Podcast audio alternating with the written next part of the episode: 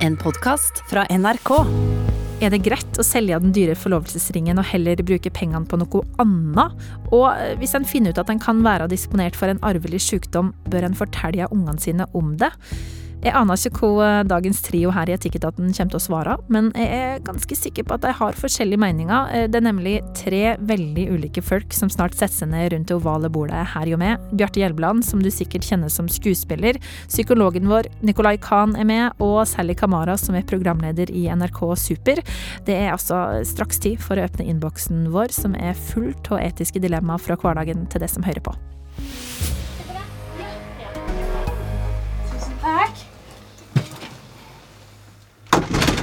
Tre kloke huer har sett seg ned foran mikrofonen her i Etikketaten, og en av tingene som det skal få diskutere i dag, handler om ei som føler hun har fått en altfor dyr forlovelsesring. Bjarte, er, du- er du glad i luksus og dyre greier? Ja, jeg må vel innrømme det at jeg har hatt en eh, eh, jeg, har hatt, jeg, er veldig, jeg har vært veldig glad i klokker, f.eks. Er den dyr, den saken du Ja, har Ja, den er ganske dyr. Og så okay. har jeg en som er enda dyrere. Eh, så jeg, jeg kjenner på den eh, jeg, jeg kjenner på den der eh, luksus Nå holdt jeg på å si luksusfellen, men, men jeg har heldigvis ikke gått helt i den ennå. Bra. Eh, Nikolai, har du eh, dyre, dyr klokke? Ikke på meg, ja, den passer. Det er en treningsklokke nå, men jeg har eh, et par dyre klokker som jeg er glad i. Ja. Ja. Ja. Mm, særlig. Er det noe luksusdyr? Nei, vet du hva, jeg liker å spare penger. Altså, jeg er sånn derre Dyre ting du, Det dyreste jeg har av klær, tror jeg nok bare åt, Ikke 800 kroner engang. altså, nei, jeg eier ikke noe eh, veldig, veldig dyrt, på en måte. Jeg lukter at det blir uenighet i det spørsmålet vi skal inn i senere. um, ok, men dere skal altså tenke høyt rundt etiske dilemma her i Etikketaten, som det som hører på har sendt inn fra livet sine. Og da er det veldig fint å vite eh, litt mer om hvem det er. Uh, Bjarte, har du lyst til å gi liksom tre stikkord for hvem du er? Ja, jeg er skuespiller. for tiden på turné med mitt eget show Ja. Eh, jeg er bergenser, eh, men bor i Oslo. Eh, og eh, Var det tre? Du kan få et til. Jeg får enda et til. Ja. Jeg er en eh, ganske glad person. Ja. Ja. Fint. Eh, vil du fortsette, Nikolai? Tre ord. Nå har du fått betenkningstid òg. Ja, nei, men jeg hører jo bare på hva andre sier, Altså, jeg tenker jo aldri på meg sjøl når andre snakker, vet du. Eh, Du må finne på noe annet enn mann, 40 år, fra Trondheim, jobber som psykolog, eh, og deler egentlig den beskrivelsen av å føle meg glad. Fint. Sjøl om du har et ganske alvorlig yrke. Ja, det er som du ser det. Ja. Jeg jobber med alvorlige ting, men det er jo eh, humor i det òg. Mm. Mm. Ikke sant? Um, Sally, Ja. hvem er du? Eh, Sally, eh, programleder i NRK Supernytt. Eh, er også forfatter. Skrev en bok som heter Hva har du under klærne? Som handler om, å, som handler om kropp, selvtillit og øke selvbildet og bare være glad i det største redskapet vi har, som er det vakreste vi har, og det er jo kroppen vår. Uh, ja, jeg eh, Lover of life. jeg tror nok at de Ja. Og uh, handikapaktivist, da. Jeg er en aktivist innenfor handikapbevegelsen. Og sitter i rullestol og har gjort det i mange, mange år, og trives med det. Herlig. Um, hvis vi skal, også med et livssynsprogram her i Etikketaten. Hvis vi skal plassere dere da i truslandskapet, hvor er du der, Bjarte? Ja, jeg regner med jo som kristen, da. Heter det fremdeles personlig kristen, eller er det er det ikke praktiserende? praktiserende? Er det det det er? Ja. Ja, der, der kunne vi sikkert gått inn i en lang debatt bare rundt uh, begrepsbruken der, ja, ja, ikke sant? Mm. Ja, en, en, med en troende tviler, vil jeg vel si. Ok. Mm. Nikolai, hvor er du hen? Nei, jeg, um, jeg tror jeg må si at jeg er født i en jødisk familie i Trondheim. Da. Det er vel eh, eh, kanskje det mest religiøse med meg. da. Eh, så jeg kjenner jeg jo godt til den eh, jødiske skikken her eh, i Norge. Eh, men personlig så tilhører jeg nok mer et eh, humanetisk eh, livssyn. da. Mm. Så kulturelt så har jeg mye jødisk med meg. Men eh, identifiserer meg kanskje mer med humanismen i livssynet mitt. da. Det syns jeg er spennende. Jeg syns jødedommen er veldig spennende. Ja, det er det. Hvilke hvilke tradisjoner har du tatt med deg fra jødedommen, da? Mm, nei, jeg tror først og fremst så handler det om rita. Eh, det handler om eh, ja, markering av helligdager. Um, også det som er litt vanskeligere å forklare, er jo eh, kanskje historien. At vi har en litt annen historie enn andre. Så du, du har jo både en eh, innvandrerhistorie, men også en sånn ja, traumehistorikk, da. Eh, som jeg aldri har opplevd, men som allikevel hele tiden er der på et vis. Da. Så det gjør jo at du tvinges i større grad til å være bevisst. Og det er jo en minoritet blant minoritetene, jødene i Norge. Sant? Så, så selv om jeg ikke er en minoritet, tenker jeg på mange områder, så er jeg det allikevel litt, da. Det er snart hanukka også. Skal du feire? Eh, jeg, jeg kommer nok ikke til å gjøre det, fordi at eh, eh, jeg har blitt litt lat på akkurat det der. Eh, Så det er ikke sånn som hiver det rundt på alle festlige anledninger du har? Nei, jeg er blitt selektiv med årene. Så det er heller den som teller ned til jul? ja, egentlig. Ja. Jul er veldig knytta til det. Ja. Ja. Særlig hvor er du i, i truslandskapet? Jeg er kristen, eh, og eh, ja, praktiserende kristen, eller prøver så godt jeg kan, da. Og ja, det Ja. Og så har du en annen bakgrunn Eh, enn kristen, har du ikke? Ja, eh, altså, altså Litt sånn, det er, I familien min så er det veldig sånn derre Jeg og pappa er de eneste kristne i familien min, sånn i Norge. da. Jeg kommer fra en muslimsk bakgrunn. Eh, Min biologiske far var imam, faktisk. Eh, Så eh, med min pappa, han som oppdro meg, han er kristen, så jeg vokste opp i en eh, kristen eh, familie. Opprinnelig fra Ja. Spennende. Er, erfaring. Og det her um, uh, blir spennende å se om det dukker opp når de nå skal gi råd til, til forskjellige lyttere. Um, tre stikkord for Etikketaten i dag det er uh, forlovelsesring, gaming og DNA-test. Bjarte Hjelmeland, Nicolai Kahn og Sally Kamara, vi skal i gang med arbeidet. Og det første dilemmaet som dere skal få uh, tenke rundt, er sendt inn fra en som er veldig, veldig spent om dagen.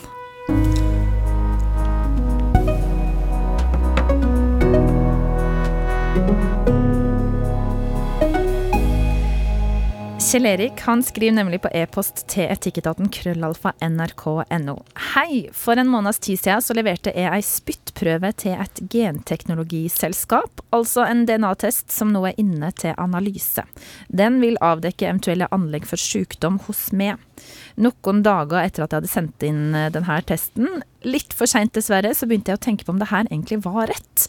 Jeg skamma meg over at jeg ikke tenkte på det tidligere. Hva hvis jeg nå får beskjed om at jeg har en arvelig sykdom? Jeg har en sønn og tre døtre. Bør jeg fortelle det til deg om det viser seg at jeg er disponert for en arvelig sykdom?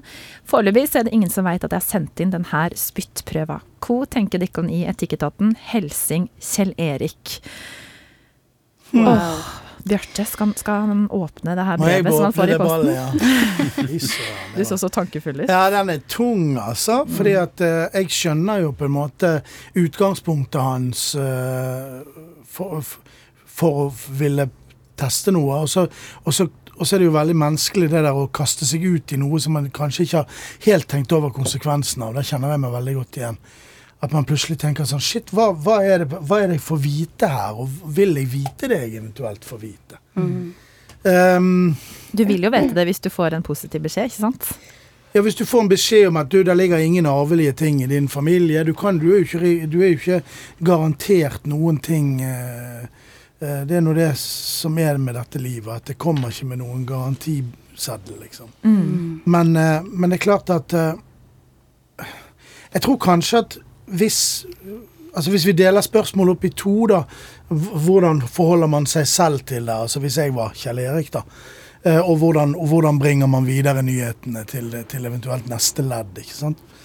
Eh, det kan jo selvfølgelig være at, at man får vite at man er disponert for en arvelig sykdom som man kanskje kan gjøre noen ting med. Og da vil man jo eh, kanskje kunne ligge litt i forkant, eller, eller, eller sørge for å få den oppfølgingen som trengs. Men så kommer det veldig vanskelige. Skal jeg belemre noen andre med den kunnskapen jeg har? Ja. Mm. Skal jeg fortelle min sønn eller min datter at, at dette høyst sannsynlig kan skje med deg? Eh, Det, det- går nesten ikke an å svare én ting på det, syns jeg. fordi at det kommer så innmari an på hvilken sykdom vi snakker om, og hvordan den vil påvirke livet ditt. Og, eh, men, men vi, si at det var worst case scenario, liksom. Si at man fikk en beskjed som var helt sånn uh, dødelig, på en måte. At du Bør man da si det? Jeg sender den videre til Khan, jeg. Psykologen. Du som kan innsida av huet vårt, hva burde vi gjøre? Nei, eh, det som jeg tenker man må alltid gjøre seg noen avveininger om. Det ene er jo hva skal du bruke resultatene til? Um, og eh, altså Bjarte nevnte jo det, kan du gjøre noe med det, så er det jo for så vidt fint å få vite noe om det. Er det, er det sykdommer som du vet at du, eller noe du har anlegg for som du kan forebygge ved å, ved å ha kunnskap om det, så, så kan jo det være positivt. Eh, det kommer litt an på det også, for det er jo ikke alt, alt vi kan gjøre så veldig mye med, men noen ting kan vi jo behandle, sant? Eh, eller forebygge, da. Mens eh, man skal også være klar over at hva, hva DNA er, for det er jo arvematerialet ditt. Eh, men det er jo ikke bare ditt, det er jo historien din. Du får vite ganske mye om det som har vært, for det kommer jo fra et sted. Eh, og det er ikke sikkert det er så lett eh, å vite, for det kan være mange hemmeligheter som ligger i det. Det kan være bl.a. Om hvem som er din, din, din foreldre. Så der hadde du keltisk blod i årene. Ja, sant. Hmm, Hvor kom det fra? og, Ja. men, men det vil også nettopp ha implikasjoner for barna dine. Og eh, hvis det plutselig dukker opp en veldig alvorlig tilstand, hvordan vil barna reagere på at du på en måte har gitt det? Det, det, dukker opp ganske mye komplekse tema her, da. Eh, som man kanskje kan slippe hvis man ikke vet, vet at for det, det, Et eller annet skal vi dø av uansett. Det er sånn uomtvistelig faktum, og de fleste dør jo av en sykdom hvis det ikke er en ulykke eller selvmord. Sant? Eh, og når den sykdommen treffer deg, det vet vi jo ikke. Eh, og kanskje det er en av de tingene som teknologien gir oss en mulighet til, som vi ikke skal ta alltid. Fordi det er, det er min holdning til det, da, fordi eh, Og det går jo litt tilbake til hva skal til for at vi har et bra liv. Det er jo at vi klarer å være her og nå. Og at vi nyter den tida vi har som i, i, i hva skal jeg si, uten bekymring eller lykke eller uten smerte eller hva det skal være. da. Eh, så, så det kan for veldig mange utløse en sånn tilstand som handler om å sikre seg mot døden, som er en kamp du taper uansett. da. Og så eh, eh, får han jo da svar på ting som han har eh, anlegg for, men som ikke trenger å, å eh, slå ut eh, i løpet av livet i det hele tatt. Nettopp, så Bare for å legge til helt det siste der, for det er jo at du vet egentlig ganske mye om anlegget ditt allerede, hvis du bare ser tilbake i slektsleddene. Sant. Særlig ville du, ville du visst eh, hva du har i vente. Altså, dette her er så vanskelig. Jeg synes dette her er, det er, veldig, det er, det er veldig vanskelig. Uh, men jeg, så jeg må nesten bare prøve å eh, Dersom det var meg, da. Jeg er en forteller. jeg er en sånn som eh, forteller mine folk alt. Og det kan bare være at jeg skal ta en test i morgen, og det forteller jeg på en måte. Men, men samtidig så er det den derre Vil vil man utsette familien sin for noe vi allerede ikke vet? Så jeg tror nok at som Nikolai sier, er bare sånn derre Dersom det er noe, da, så du kjenner kroppen din, og litt sånn derre Så vil man på en måte kanskje ha sett det i familiehistorikken, men den her er så vanskelig, og Den her er veldig vanskelig. Altså, jeg er en forteller, jeg eh, Er dette her planlig Jeg føler det er så mange komponenter, da. Planlegger man å få flere barn? Hvordan er de barna man har allerede? Hvordan er livet ditt nå? Altså, det er så Hvor gammel er Kjell Erik? Altså, ja. Jeg syns det, det er veldig vanskelig. Men det var en ting du sa, Nikolai, som jeg syns var interessant. Og det, og det, det er jo dette her med hvorfor man tar en sånn test. Og, og, og det er nå engang slik med oss mennesker da, at vi Hvis det ligger noe informasjon et sted, så vil vi gjerne vite det. Altså, Nysgjerrige det folk. vi, er, Ja, vi, vil jo, vi vil jo inn og grave og Spesielt om det er om oss selv, Ja, tenker ikke sant? Mm. Så vanskelig å la være. Men alle her i rommet kunne jo ha tatt en sånn lignende test som eh, Kjell Erik har gjort. Sant det er jo eh, låg terskel for å sende inn det her. Det er jo antageligvis et kommersielt firma som du Mm. kan bare sende en spyttprøve til. Um, Hvem sier at vi ikke har gjort det? har de ikke gjort det? Har de gjort det, Nikolai? Du, jeg har tatt en sånn, eh, ikke sykdommer, nei, men jeg eh, tok en sånn test for å sjekke hvor mine gener kommer fra. Ja. Hvor var det fra? Ja, det var, det, Noe vet jeg jo, men det er jo mye, det er grunnen til det, rett og slett, for det er mye vi ikke vet. da, vet du. Fordi at uh, veldig mange av uh, historiene i min familie er jo borte. Eller ikke nedskrevet, eller fins på en måte ikke noe sted. Så jeg er litt nysgjerrig bare på det. Ja. Eh, Men mye av det var jo eh, for så vidt eh, ikke så overraskende. Jeg hadde litt finsk blod. Det var jo, eh, så jeg kjente meg litt mer sånn sisu. Skjønner hvorfor jeg er glad i å fiske gjedde. Og at du, fremdeles holder på Nokia-telefonen. Ja, ja, nei da, så no, noe mer sånn kasakhstansk aner, ana, da. Øst, østeuropeisk, men ikke noe Jeg hadde jo håpet jeg hadde en sånn African roots eller noe sånt, men jeg hadde, jeg hadde dessverre ikke det. Jeg synes det, var, det var veldig eh, østeuropeisk retta, det meste. Det var ingenting som var vest eller sør. da. Men det der er liksom en mer ufarlig test Ja enn enn, eh, det her. Eh, Særlig kunne du vurdert å sende inn en sånn spørsmål? Nei. Altså, jeg er sånn Jeg kunne ha tatt en sånn test som Nikolai uh, eh, har tatt. Altså en sånn ancestral uh, DNA-test på den måten. Men nei, jeg uh, Jeg vet ikke. Jeg, jeg, jeg er litt sånn Ting kommer opp, og så tar vi det da. Men igjen, det høres, det høres så ah, Nei, jeg, jeg hadde nok ikke gjort det. Jeg, jeg kommer Ja, nei. Men hvis han, eh, hvis han eh, gjør det, får det her brevet i posten og åpner det, eh, hva skal han si til ungene? Ville du sagt noe, Bjarte? Hvis du får beskjed om at du har anlegg for f.eks. Alzheimer, da, som er en ting som kan avdekkes i en sånn test. Um, du det til ungene, og i så fall hvor gamle bør de være? Ja, sant. Det jo, og, og, selv om vi hadde da blitt enige om en alder, så er det jo forskjell på barn når de er fem, og når de er syv, og når de er 14. Altså noen ville Det kommer helt an på. Det, det, jeg, jeg, jeg klarer ikke å gi noen klare råd til Kjell Erik. Jeg kan bare takke han for at han har satt i gang en prosess i meg som gjør at nå kommer jeg til å gå og lure en uke på om jeg skal ta en sånn test. Ikke sant? jeg, har, jeg har ingen barn som jeg blir nødt til å fortelle det til, men, men, eh, men eh, det er jo noen andre i livet ditt som, som det kunne affektere. da. Mm. Nei, jeg tror, jeg, tror, jeg tror ikke vi kan bli enige om noe, verken noen aldersgrense eller, eller hvorfor. Det, det er så individuelt. Eh, men jeg er, nok, jeg, jeg, er nok litt enig med Sally at, at man jeg, har også en tendens til å fortelle folk rundt meg hvordan det står til på innsiden, eller hva jeg går og grubler på. Så eh, det er nok stor fare for at det hadde blitt en samtale rundt middagsbordet om dette. Er ikke det sunt også, eh, Nikolai, eh, som ser det med sånn psykologblikk, å dele av informasjonen han har fått? Hvis han får, en eh, trist beskjed, så er det jo ganske heftig å gå og bære på. Ja, det er jo ganske ensomt, det, selvfølgelig.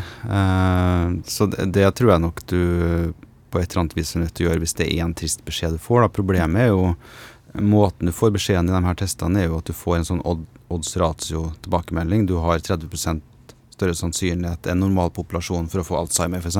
Ja, og hva vil det si? Ja, hva vil egentlig det si? Det betyr jo ikke 30 sannsynlighet. Mm.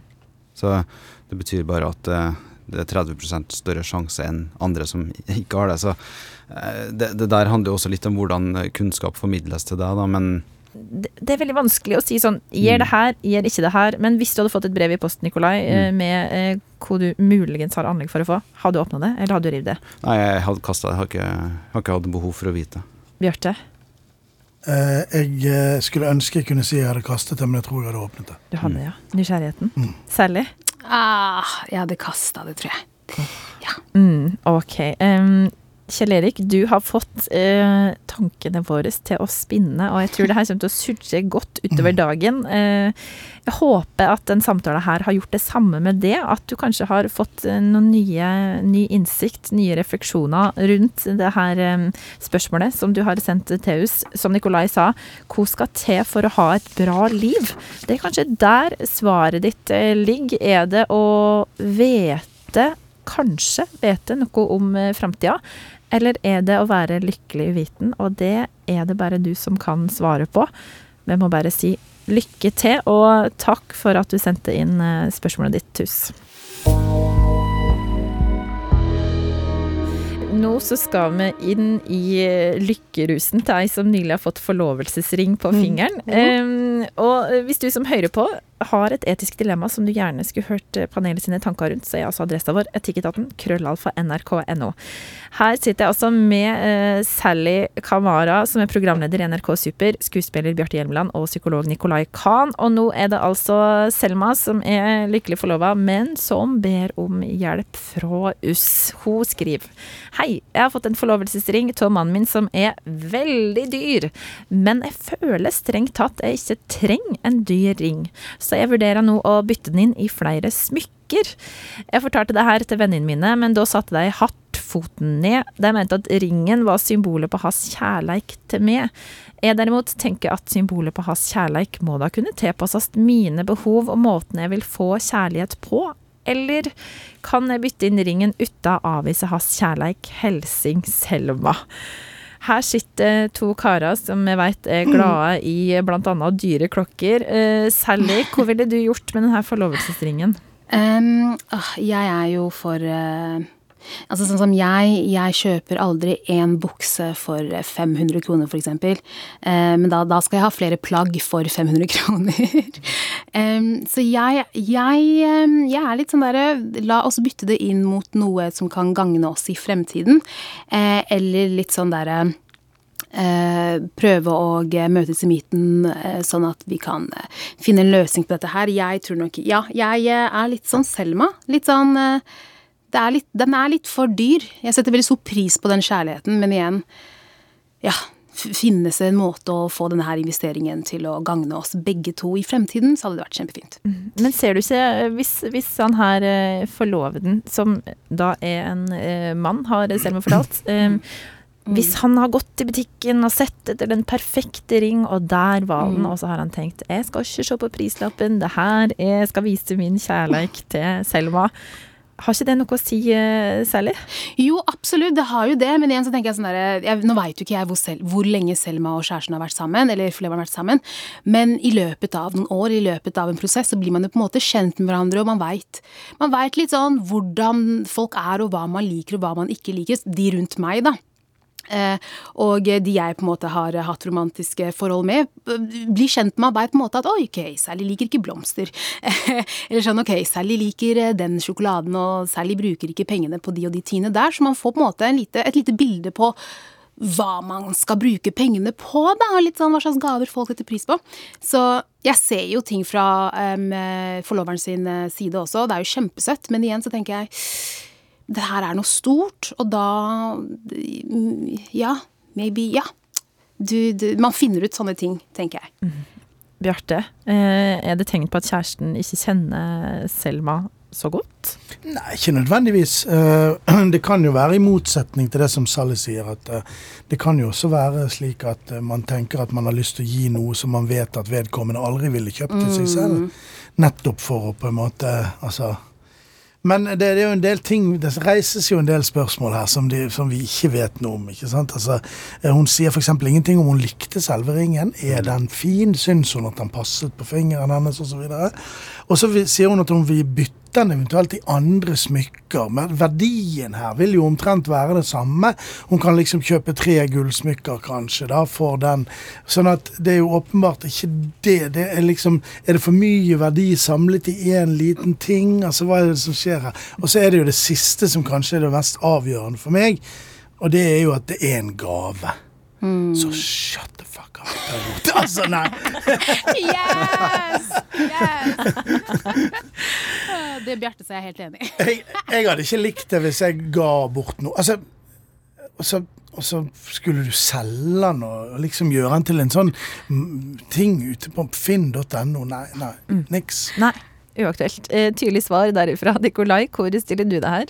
Det var min første reaksjon eh, da jeg hørte spørsmålet, akkurat det der. Og bare du har fått en gave du, du, selger ikke gaver du får, i hvert fall ikke når det er en forlovelsesgave, som er ja, ganske viktig hendelse i livet. da. Mm. Det var det første jeg tenkte. Og så er jo på en måte jobben her å se på aspekter med det her som gjør at det blir et dilemma. da, som Hvis jeg åpner opp litt min umiddelbare reaksjon, som jeg tror uh, sikkert er ganske lik den reaksjonen til hennes forlovede, da. Eh, Selma, var det hun het, sant? Mm. Ja.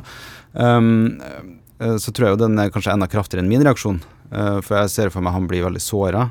Um, og skuffa og kanskje også litt sint. og ja, det kan, det kan jo utløse en ganske sånn skjellsettende konflikt da, mm. i et veldig sånn sårbart tidspunkt i et, i et forhold sant, der du skal egentlig gifte deg. Og, um, så du skal tenke deg ganske nøye om før du tar det opp. Men så kan du jo, hvis jeg prøver å ta hennes perspektiv, da, Uh, som jeg, hun ikke sier noen ting om, uh, og som bare blir min, mitt tankespinn her, da. Men la oss si at den er for dyr for at du tenker at de ikke har råd til det, da. Mm. At kanskje han har en historie med å være litt for spendable, og hun syns det er ubehagelig, eller at hun kommer fra en bakgrunn med en, med en annen økonomisk eh, kultur eller historie, eller hva skal jeg si. At det er ubehagelig å ha så dyre ting, for det er noen som synes. Sant? Så eh, da, da, er det kanskje en litt annen samtale man må ha, da. Mm. Eh, uh, men, men det er jo floskelen i alle sånne relasjonskonflikter, da, at du må faktisk snakke om det.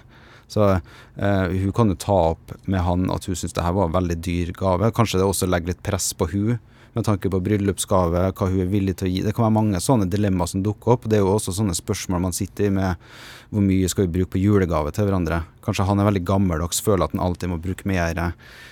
I, i, i relasjoner er jo ofte en av de tingene som er Eller i forhold, da Eh, relasjoner som psykologord. eh, kjæresteforhold, liksom, bare si det som det er. I hvert fall så er det eh, ofte at økonomi blir en issue, og det er litt ekkelt å snakke om. For vi er, vi er kanskje ikke så gode til det i, i vår kultur, kanskje. Mm. Uh, så det ligger ofte og gnager veldig lenge på at ene bruker mer. Kanskje 'Å, jeg har betalt den restaurantregningen nå', si? altså At man heller litt for seg sjøl. Uh, så kanskje man skulle ha tatt en prat om forventninger til hvor man skal legge seg økonomisk nivå. da. Mm. Der, der, han har et ønske om å gi han noe veldig flott og vakkert, og kanskje føler at han må det også. Kanskje det, det, det er mange sånne eh, mulige problemstillinger som ligger i det her, som ikke handler om at hun ønsker å ha flere ting å pynte seg med. Mm. Men eh, sånn som hun har stilt spørsmålet, så tenker jeg at shut the fuck up. Yes!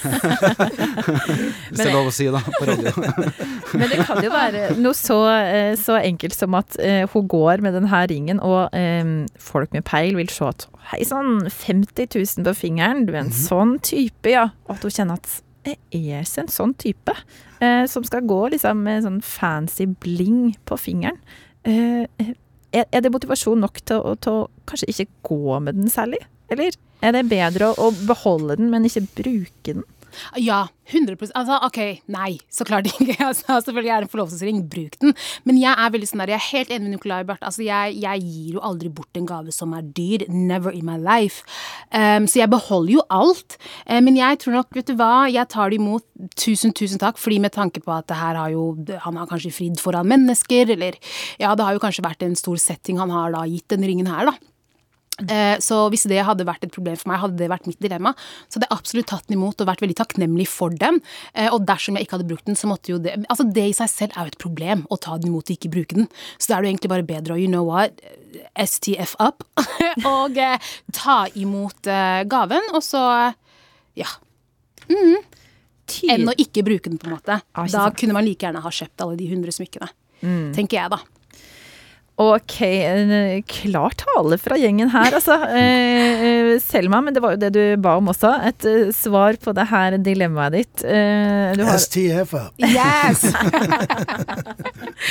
du må nok bare gå med den her forlovelsesringen. Eh, og kanskje hjelp det, som Nikolai har sagt, å ta en prat om det her.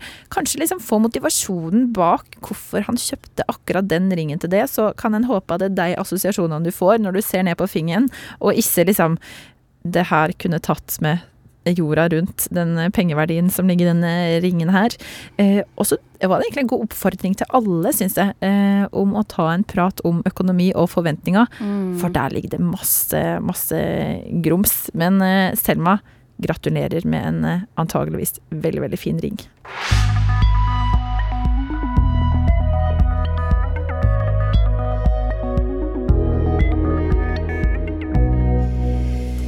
Vi skal ta og lukke innboksen litt. Eh, fordi nå så står Den hellige gral på det her ovale bordet vi sitter rundt i Etikketaten. Den er fylt med en haug med spørsmål. Jeg vet ikke hvor spørsmåla er, eh, og ikke Dikkon heller. Målet er altså å få frem nye sider ved Dikkon som er i panelet, som da er Bjarte Hjelmeland, Nikolai Khan og Sally Kamara. Vil du starte, Bjarte? Ja. Da trekker jeg en lapp fra den hellige gral. Her står det 'Hva gjør du for å glede andre'? Ja. Um, det er jo litt forskjellig, det, da. Um, jeg uh, forsøker å uh, være en god venn uh, og en god kjæreste. Hvordan er du det, da? Det er jo litt forskjellig. Altså, noen Jeg prøver å altså, å være god kjæreste tror jeg handler mye om å forsøke å lytte. Mm. Uh, og, og, forsøke å hjelpe til. Jeg tenker at det der Det gøye ved å være to, det er jo liksom det der å prøve å hjelpe hverandre og gjøre dagen litt lettere for hverandre. Um, Du skal ikke si 'kjøpe dyr klokke' nå. nei. Jeg, tror, jeg tror de tingene jeg forsøker å gjøre for andre, handler veldig lite om kjøping. Handler mye mer om, eh, om eh, sånne ting, sånne eh, ikke-materialistiske ting som man kan gjøre for hverandre, liksom. Hva gjør du når, du, kommer, når du går forbi tiggere? Eh, det varierer. Eh, nå er det såpass mye tiggere at eh, det, veldig ofte så later jeg som vi ikke ser de. Eh, mens innimellom så uh, gir jeg litt, og innimellom så gir jeg litt mer. Jeg har noen sånne faste. Jeg har én sånn fast uh, Jeg bor jo i Oslo og går nedover Karl Johan, og der er det noen faste. Og, og noen ganger så blir man litt kjent med de og prater litt med de og sånn. Og da hender det at jeg gir de liksom et større beløp, da. En av de var veldig krevende og, og, og pågående og, og sa, mente at jeg hadde lovet at vi skulle gå i minibank sammen Oi. neste ja. gang vi traff hverandre, og det tror jeg faktisk han hadde rett i. Eh, og det gjorde vi. Så da fikk han et litt større pengebeløp. Um, Det er veldig raust. ja, det, da følte jeg meg jo utrolig godhjerta, da. Akkurat når det hadde skjedd. Eh, så da har jeg liksom lov til å gå forbi noen andre Ja. eh, i et par uker. Mm. Det er kjipt hvordan man driver og kjøpslår med ens egen moral, hva. Sånn er det. Men sånn er vi. Og en kan jo ikke gi til alle, dessverre. Nei, det er Mm. vanskelig. Ja. Men uh, person som, som gleder andre. Veldig fint. Um, Sally, er Ja. du klar? Yes. Yes. Vær så god. Hva er det slemmeste du har gjort? Å nei. Å nei, nei, nei. Ok, nå Nå må du være ærlig. Det er det, da. Eh, nå er jeg 26, og eh, det er veldig viktig. Og Nei, 25. Det er veldig viktig at jeg nevner. Sånn at folk forstår at det her er veldig, veldig, veldig mange år siden. Eh, I barnehagen, altså det som er med meg, er at eh, jeg starter aldri noen ting, men jeg har en tendens til å kanskje dra den litt langt eh, når eh, vi først begynner å være litt slemme mot hverandre. Så i barnehagen eh, så husker jeg at at jeg, jeg hadde en sånn eh, frisørdag med bestevenninna mi, og jeg hadde da box braids, og det er sånne lange fletter som jeg pleide å ha. Jeg hadde nettopp fått de, og jeg husker at eh, pappa hadde stressa veldig mye med å skaffe noen til å, til å flette meg, da, fordi alle tantene mine var på ferie og sånn.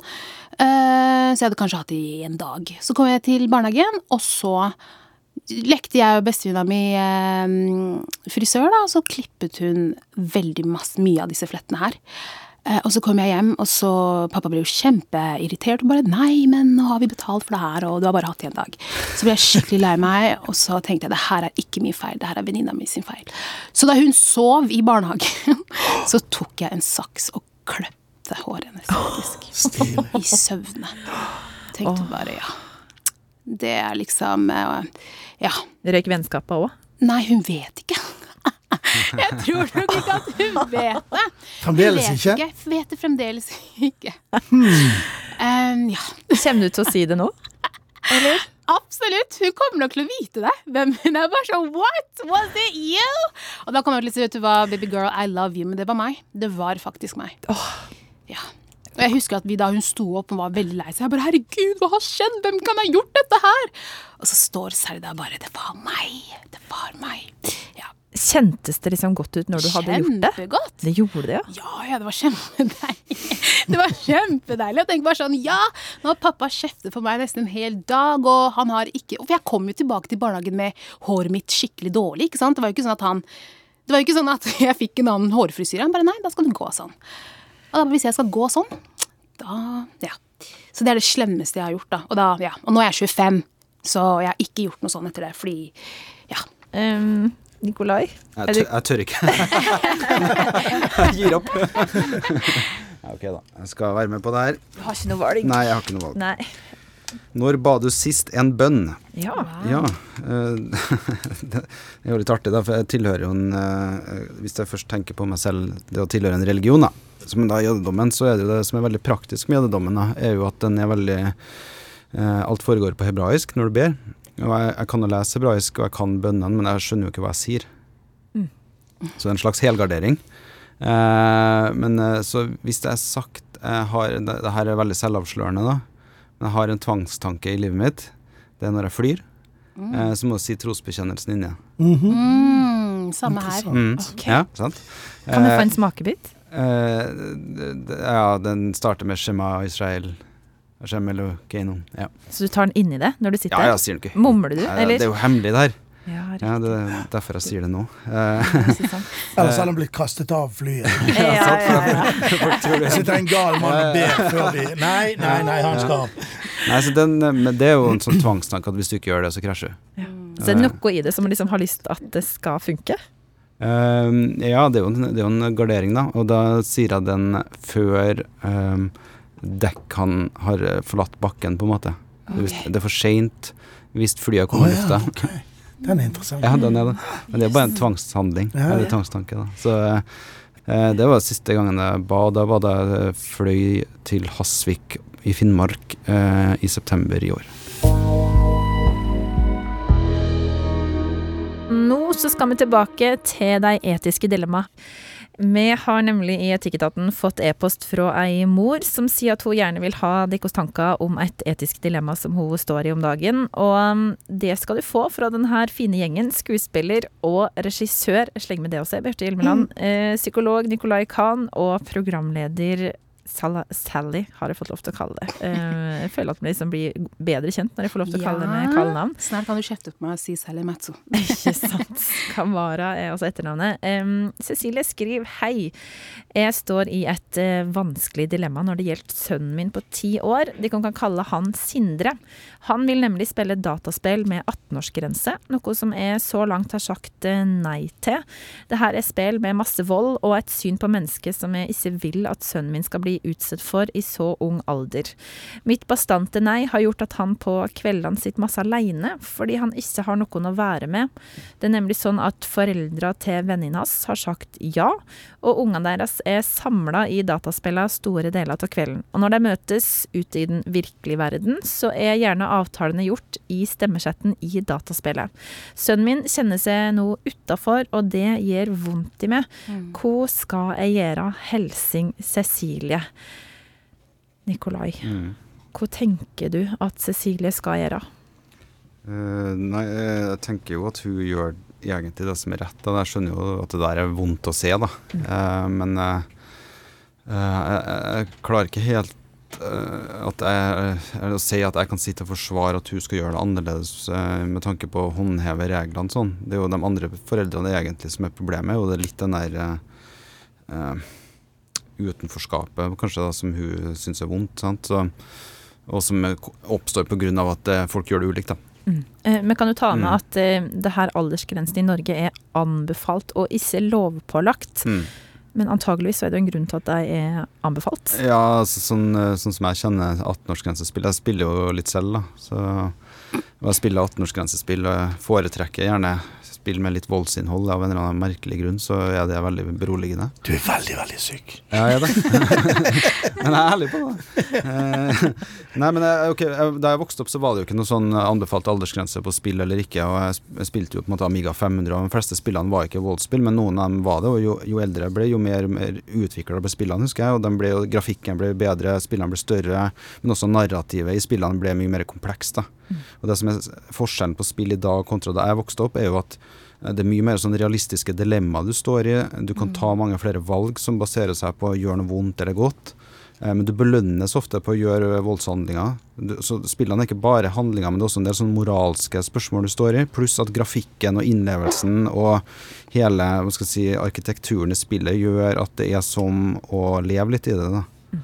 Eh, Så det, det er sånn at en del av de her eh, eh, skal si, Ikke bare vold, men det er også en del seksualisert innhold, det er en del skremmende historier. Du, du blir eksponert for en del eh, situasjoner i spillene her som Ja, du skjønner det er fantasi, men den unge barnehjernen er jo ikke helt laga for å ta stilling til alle de her spørsmålene ennå, og heller ikke å fordøye det godt nok. Så eh, jeg, jeg er nok ganske prinsippfast på at det er helt rett at, de, at en tiåring ikke skal spille de her type spill. Mm. Um, eh, så problemet ligger jo kanskje, sånn som jeg tenker det, at vi er mer en sånn kultur der mange synes det er veldig vanskelig å si nei til barna sine.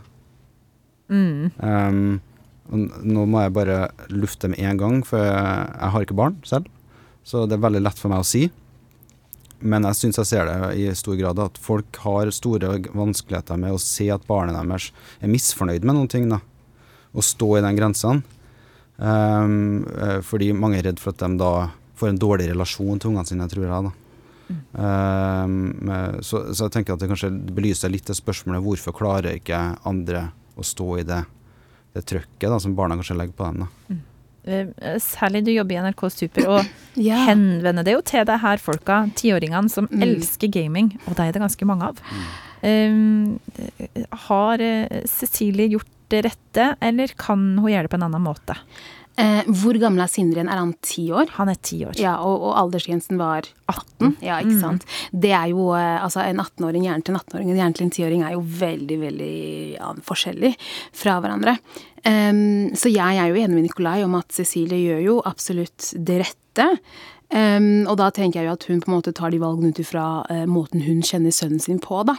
Um, men igjen så tenker jeg litt sånn derre Med tanke på at det her er noe som blir snakket om eh, blant venner, og det her er faktisk noe som går innpå ham, og han føler seg utenfor.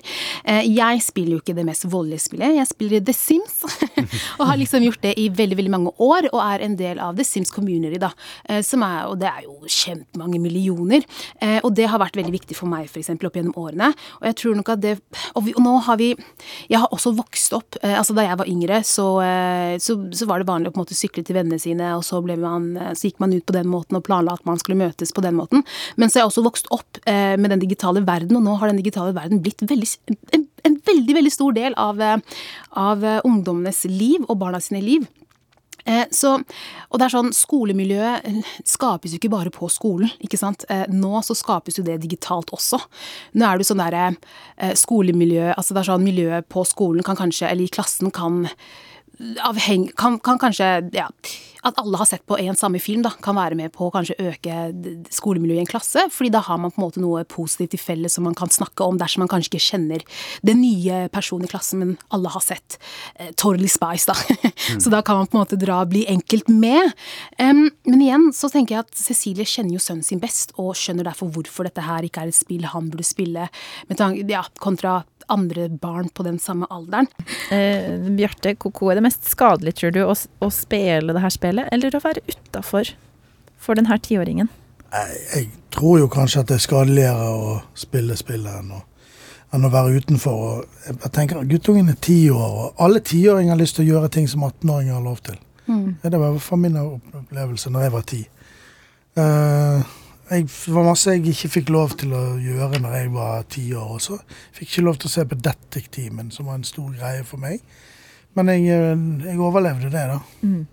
Og når man ser tilbake på, på den, de strenge reglene som våre foreldre laget for oss, så pff, oppleves det jo som, eh, som helt i orden og veldig sunt. Så jeg tror bare Cecilie skal være trygg i sin egen avgjørelse. For, så får de prate om det, og så får, de, får hun snakke med de andre foreldrene. da. Som lar, eh, som trasher ungene sine med Jeg har jo selv spilt en del av de. Jeg trodde jo jeg skulle spille et, Jeg er veldig glad i å spille bilspill. Jeg trodde jeg hadde kjøpt Grand Turismo, men så hadde jeg kjøpt Grand Theft Auto. Så jeg har nå Det er mye bedre. løpt rundt. Det er sikkert mye bedre, men jeg, jeg fikk litt vondt inni meg av å drepe for mange familiefedre i Los Angeles. Det Ja. er sant. Jeg er jo enig med Nikolai. altså jeg tenker bare sånn barn. Um, det, det, han er jo ti år, han er jo et barn, og barn um, kan jo ikke på en måte ta stilling til det de blir eh, servert i disse spillene her med ulike, uh, ulike um, ting, da. Av, ja. Uh, så Ja, fordi Cecilie kan jo ta en prat med han eh, om det her, og reflektere rundt verdiene i spillet, og hva han gjør, og eh, hva som skjer. Men, men kan det kompensere for alt det grusomme som er i et sånt spill, Nikolai? Eller? Nei, jeg, jeg tror jo egentlig ikke det er sånn som spillene er laga i dag, for du får det så tett på, både visuelt og eh, inn, med innlevelse i historien. Da. Mm. Nå skal det sies at jeg synes jo 18 år kanskje er for strengt igjen. da.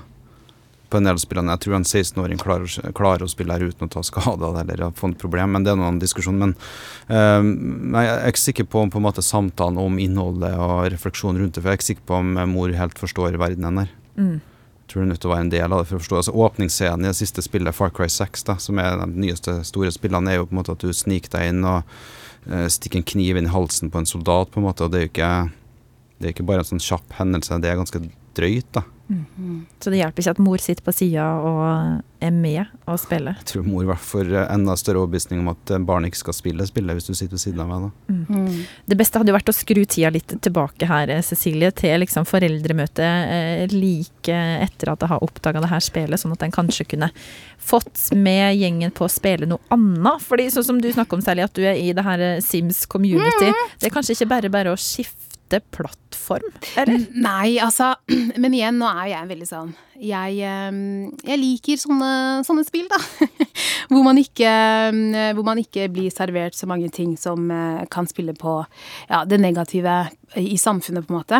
Eh, Men, eh, nei, men jeg er enig med det der med at dersom man på en måte veit hvem disse foreldrene er, hvorfor ikke promotere det, og kanskje komme inn i et annet miljø, spille et annet spill, eller, eh, eller dersom det finnes andre spill altså jo, Gamingmiljøet er veldig svært, ikke sant, og det har jo veldig mange ledd, og det finnes jo, finnes jo ulike spill man kan spille, og som igjen har veldig mange tilhengere. Uh, ja. Jeg ser på, eh, så på Medietilsynet at um, statistikken viser da at gutta mellom 11 og 12 år så er det 22% som har spilt spill med 18-årsgrense. Eh, og er mellom 13 og 14 så er det 78% Så um, Cecilie, du har en del med på laget ditt som er Mm. ganske strenge rundt det her, selv om det ikke er sånn i vennegjengen til eh, din sønn. Jeg, jeg kan jo også bare legge til Kina. De har jo nettopp, kom I august så kom de med en ny lov, og nå skal jo ikke vi bli som Kina. Eh, men det er flere som er bekymra. Men i Kina så er det jo sånn at er du under 18 nå, så får du kun lov å spille én time om dagen. Um, og det er kun i helg og helligdager. Eh, og du må logge deg på med en sånn egen ID, da. Um, så det, er- det, vi har det jo ganske fritt i landet her, tross alt, da. Det må jo bare sies, da. Så jeg har bare lyst til å rante bitte litt, hvis det er lov til det. Vi har plass til rant. Ja, jeg skal rante bitte litt, eh, for nå, ble jeg, nå er jeg ikke mann 40, nå er jeg mann 80. Men, eh, men jeg er litt bekymra for det her med grensesettinga til barna våre. Jeg, da. jeg tenker at vi, vi er blitt, Foreldreskapet, Foreldreskap i dag handler veldig mye om tilrettelegging. Eh, og det, det er også det her med at for alt i hverdagen organiseres rundt dem og deres behov. Eh, og virkeligheten er jo sånn når du flytter hjemmefra, så er det ingen som bryr seg om det lenger. For da er du helt alene. Ja. Og da må du finne ut av livet ditt. Og det, og det her er bare spekulasjon. Det er jo ikke rart at en del unger sliter litt med angst hvis det er virkeligheten de møter når de flytter hjemmefra. At eh, verden er faktisk ikke så opptatt av det. Mm. Signerer du ranten, eh, Bjarte? Eh, Ja, det er vanskelig å være uenig i dette. Men eh, det, det er jo da, det er alltid en grense. sant? Altså, når man snakker om sånne spill, og man skal forsøke å, å, å, å, å sette opp et alternativ, så er det jo alltid faren for å bli den gøye forelderen som kommer trekkende med trolldeigen, på en måte. Det er jo, det er jo ingen av oss som har lyst til å være den. Eh, Cecilie, det her eh, Det er jo et veldig vanskelig dilemma, men eh, jeg vil tro at eh, du har fått litt bare kjørte litt på avgjørelsen du har tatt ved å høre tankene som Etikketaten har hatt rundt det spørsmålet der. Fordi det er mange som ikke er så flinke til å si eh, nei. Og um, vi er ikke Kina, vi har ikke myndighetene til å si nei for oss. Det er foreldrene som må gjøre det. Du har klart det, nå tviler du. Men um, det her utaforskapet, vi håper at uh, det kan hjelpe med å ta en god prat med foreldre, Ta initiativ til å møtes på et annet sted enn uh, i det her 18-årsgrensespillet. For de som har hørt også psykologen, fagpersonen, si det her er ikke et spill som eh, ti år gamle hjerner har godt av å eh, være i. Vi håper at du klarer å stå på ditt, eh, Cecilie, og holde gutten din unna det her spelet, kanskje fram til han er i hvert fall 16 år. Og der var tida vår ute for i dag.